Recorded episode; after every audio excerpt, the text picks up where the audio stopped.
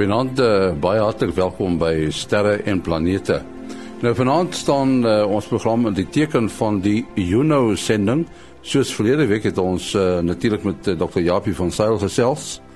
Maar vanaand maak ons 'n uh, uitsondering en praat weer met hom. Dit is nou nadat die Juno sending by Jupiter aangekom het. En dan is daar ook 'n bydrae deur Kobus Olkers daar in Florida, Amerika wat uh, gaan gesels oor die son en al die manavales van ons ster. Maar voor dit, eers ruimtenis wat geskryf is deur Herman Turin in Bloemfontein. Die ontdekking van groot hoeveelhede mangaanoksied op Mars deur Curiosity en Opportunity gee belangrike leidrade oor hoe Mars tot sy huidige stand ontwikkel het. Mangaan oksideer moeilik en vereis groot hoeveelhede water en suurstof.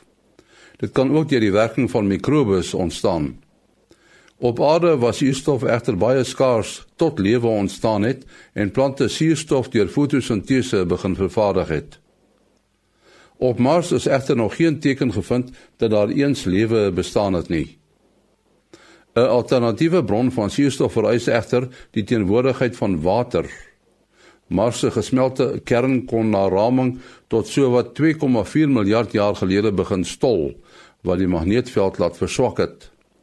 Dit het Mars aan meer kosmiese bestraling van die son blootgestel wat water in waterstof en suurstof sou skei. Die ligte waterstofmolekules is maklik deur sonwinde uit die atmosfeer gewaai, maar die swaarder suurstof wat baie reaktief is, het in die rotse ingetrek en dit laat roes.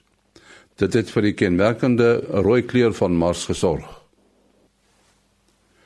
Die Rosetta ruimtetuig van die Europese Ruimteagentskap wat geskiedenis gemaak het deur die eerste tuig te wees wat in 'n wentelbaan om 'n komeet geplaas te word, sal nog tot 30 September vanjaar om die komeet Churyumov-Gerasimenko wentel. Dit sal dan na ingewikkelde manoeuvres op die komeet neerstort met sy instrumente wat tot op die laaste oomblik aangeskakel sal wees. Rosetta was veral in die nuus nadat sy landingstuig Philae op die komeet geland het. Die landing was nie heeltemal suksesvol nie en slegs beperkte data kon na die aarde toe teruggestuur word. Tot sover ruimte nuus wat dan geskryf is deur Herman Turin in Bloemfontein. Nou ons gesels uh, vanaand so 'n bietjie uh, anders as gewoonlik met uh, Dr. Japie van Sail daar by die Jet Propulsion Laboratory in Pasadena, Kalifornië. Uh, Lyk my die hele NASA die hou uh, partytjie as 'n mens nou luister na wat aan die gang is. Dit is nou alles in verband met die Juno tuig wat uh, eintlik in sy baan beland het om Jupiter. Uh vertel net vir ons presies wat wat het toe presies gebeur. Dit is 'n baie presiese uh, operasie wat plaasvind en soos wat die satelliet na Jupiter toe aankom, nê? Die swaartekrag van Jupiter versnel dan die satelliet. So toe ons ehm um, die ehm um, main die hoof engine aangeskakel het om ons nou ehm um, te rem toe het ons teen ongeveer 55 km per sekonde. So dit werk om te, ongeveer 200 km per 200 000 km per uur het ons op uh, op uh, Jupiter afgevlieg. En dan moet ons die satelliet omdraai sodat ons engine vorentoe wys. En dan sit ons die engine aan vir presies 35 minute. Want ons moet net die regte hoeveelheid ehm um, stadiger gaan sodat ons binne die swaartekragveld van Jupiter gevang kan word. Nou die eerste bane wat ons ingaan is ongeveer 53 dae lank. So uh ons het ons nou selfs net vir uh, uh, stadiger laat gaan totdat ons in die baan die sogenaamde capture orbit kan wees, die die uh, uh, baan waar ons nou gevang is. En dan gaan ons twee sulke bane doen En elke keer as ons naby Jupiter kom weer, dan gaan ons weer die engine so 'n bietjie aansit en op die ou end gaan ons dan in 'n 14 dae baan om Jupiter gaan. Maar ja, dit is 'n baie presiese ding. 'n Mens moet presies die regte uh, hoogte bokant Jupiter aankom want dit sê vir ons hoe sterk is die aantrekkingskrag van Jupiter en dan moet ons hier presies die regte hoeveelheid tyd ons engine aansit. As ons te, te min aansit, gaan ons verbyvlieg en as ons te lank die engine laat brand, dan gaan ons uh, op die ou end in Jupiter vasvlieg. So dit is 'n baie uh, presiese besigheid hierso. Ja, wat wat nou ook baie interessant is is dat uh hierdie uh, engines wat aan en afgeskakel word. Dit neem 'n hele rukkie om hierdie sein te kry van die aarde af daarna na Jupiter toe, né? Op die oomblik is dit ongeveer 51 minute vir ons om die seine terug te kry. So as jy nou mooi dink, ons het die die um engines aangesit vir 35 minute. Toe ons die sein gekry het dat ons die engine aangesit het, toe was die was die hele ding al klaar. Uh in werklikheid. Ons het eers 51 minute later uitgevind dat ons die engine aangesit het en weer na nog 35 minute later dat ons die engine afgesit het, maar toe was alles alreeds verby.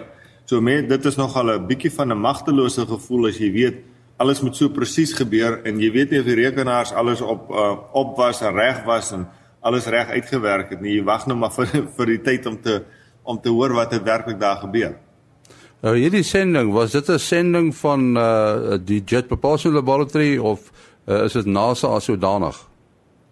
Dit dit was ons in die manier waarop dit werk is ons ehm um, uh, hulle NASA het elke paar jare kompetisie. Hierdie is ongeveer elke 7 jaar het hulle kompetisies vir hierdie satelliete wat so ongeveer 'n biljoen dollar kos. En ons het toe nou die ding aan NASA voorgestel in die kompetisie en ons het hom gewen.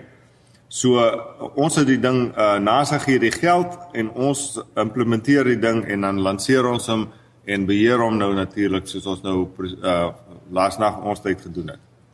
En, en wat is nou die belangrikste bevindinge wat wat julle verwag om te kry? Uit hierdie ene wil ons uh, twee dinge uitvind. Die eerste een is dat Jupiter het blykbaar baie dieselfde samestelling as die son. So die teorie is dat Jupiter moes baie vroeg in die geskiedenis van ons sonnestelsel gevorm het, toe daar nog baie heli uh, uh, helium en waterstofgas in ons um, in ons sonnestelsel was. So hy het gedeelte van die gas wat die son gevorm het, het vir Jupiter gevorm. Maar dan is daar 'n interessante ding dat Jupiter het ook sogenaamde swaar elemente die die groter molekules in wat wat ons nie in die son voor kry nie. So Die vraag is nou hoe daai goed in Jupiter beland het hy dit la later ingetrek. En dan die ander groot vraag is of Jupiter wer werklik 'n kern het. Uh Jupiter is so sogenaamde gas giant, 'n gasbol. Maar daar is sterk aanduidings dat Jupiter wel moet 'n um, 'n vloeibare kern hê. Nou as jy dink hoe groot Jupiter is, dan kan die drukking binne Jupiter hoog genoeg wees dat waterstof en helium in vloeibare vorm ingaan. En as dit gebeur, dan kan dit wel elektrisiteit gelei en dit kan dan die oorsprong van Jupiter se sterk magneetveld wees. Maar dit kan ook wees dat Jupiter 'n uh, swaarder kern het. So dit uh, no, niemand het dit nog van tevore vasgestel nie en dit is wat ons probeer om met hierdie sending dit te doen. Ja, en die groot ding is natuurlik dat jy baie naby aan Jupiter kom, nê. Nee. Ja, hierdie ene is is interessant. Kyk, ons gaan bo oor die pole van Jupiter ook vlieg wat wat nog nooit van tevore gedoen is nie.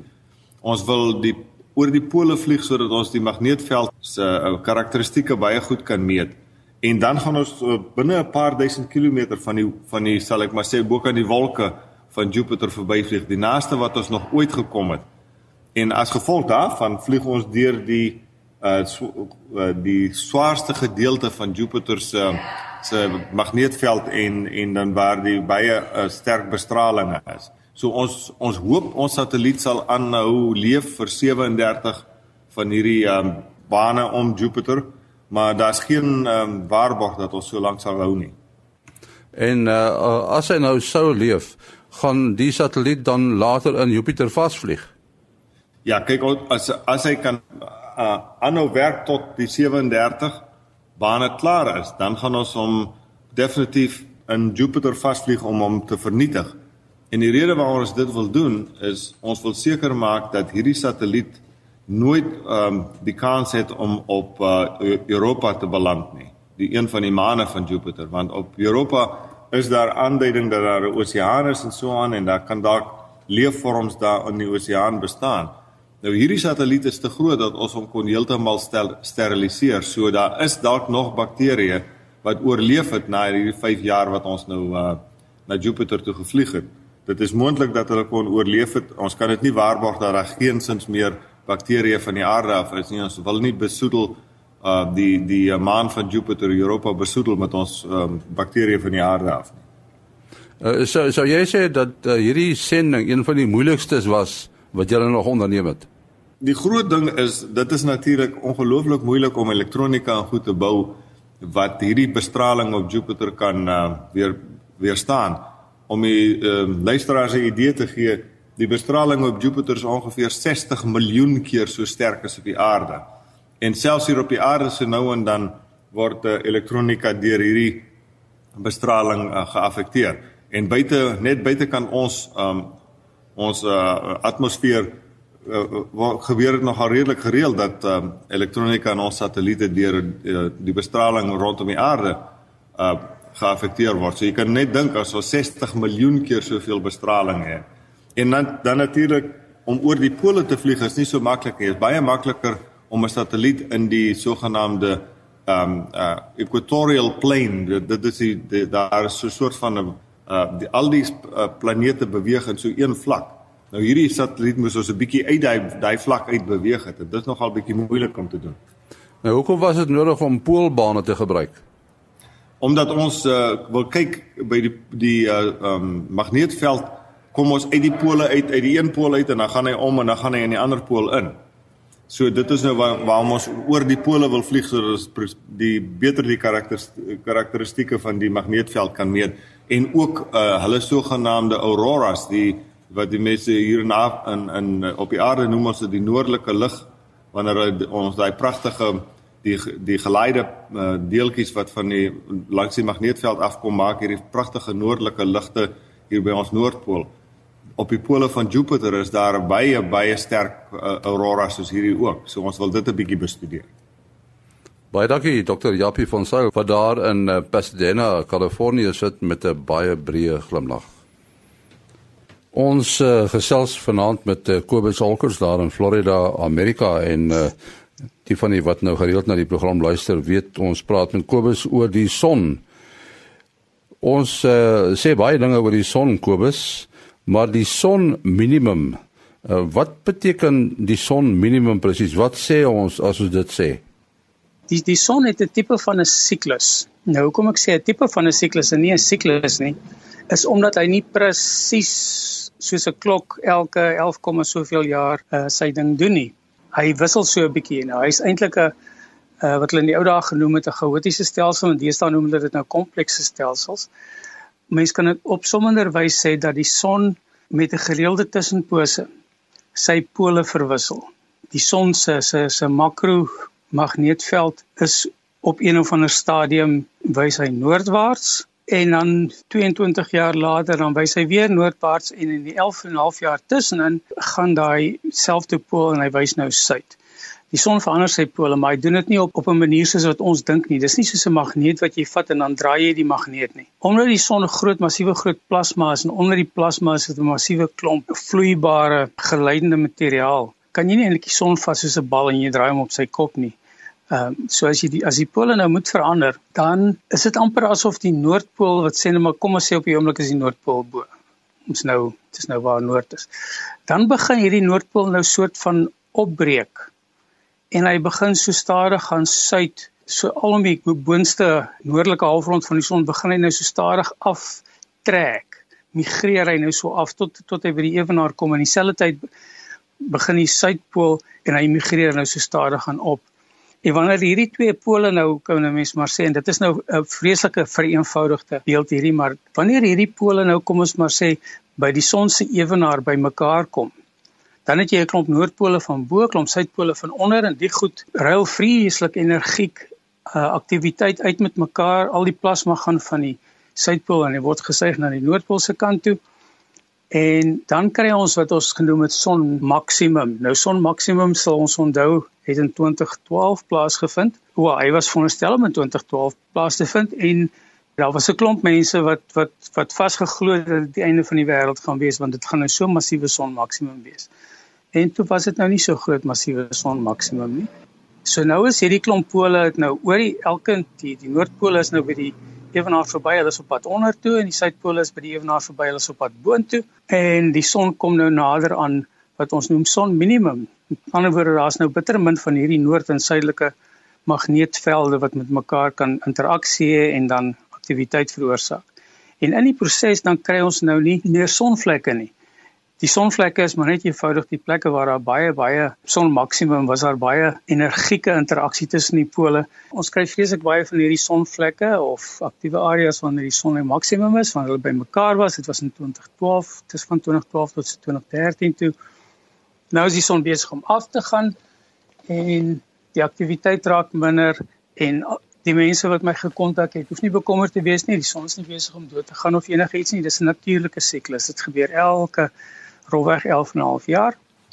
En dan daar daarmee saamkom natuurlik hierdie prettige ding van elke keer as die son minimum kom, dan dan is hier nou eers 'n navorsingsgroep wat publiseer en dan publiseer hulle nou die ozonlaag is besig om te herstel en al hierdie goed wat ons nou op aarde gedoen het, al ons freon wat ons weggedoen het en al hierdie goed wat hulle nou dink ons kan kan 'n verandering maak, maak nou skielik die son reg. Maar nee, dis die son self. Wanneer hy aktief is, dan maak hy hierdie gat in die ozonlaag.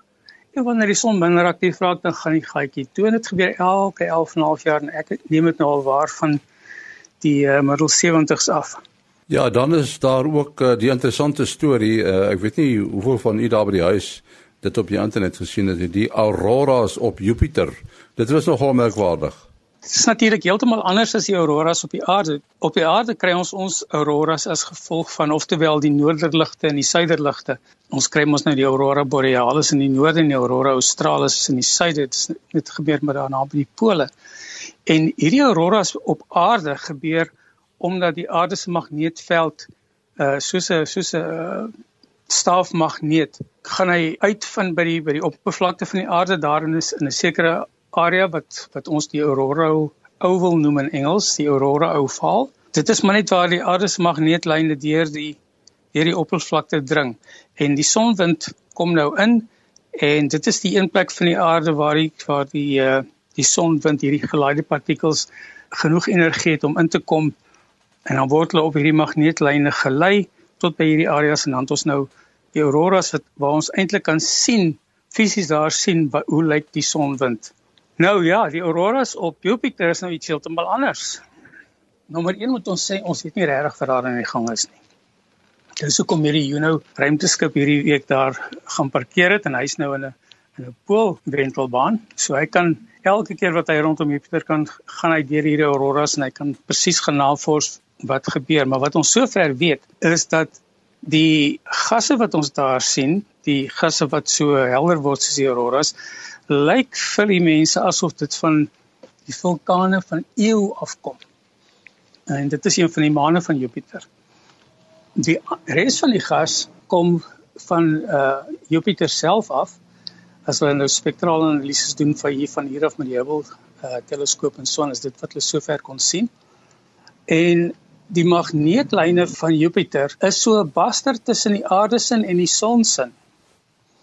Uh as ons sal onthou is Jupiter, wel ons weet nie eintlik regtig vir daar binne dan gaan nie, maar dit lyk asof dit 'n baie baie groot gasplaneet is.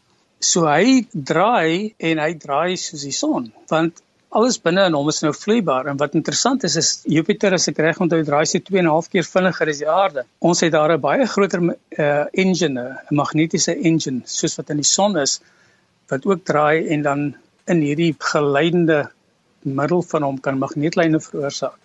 En dit is hoekom ons hierdie eienaardige helix patroon sien uh op uh Jupiter se aurora en dit is tipies wat ons kry as ons die son se se magneetlyne onder die oppervlakte ook plot.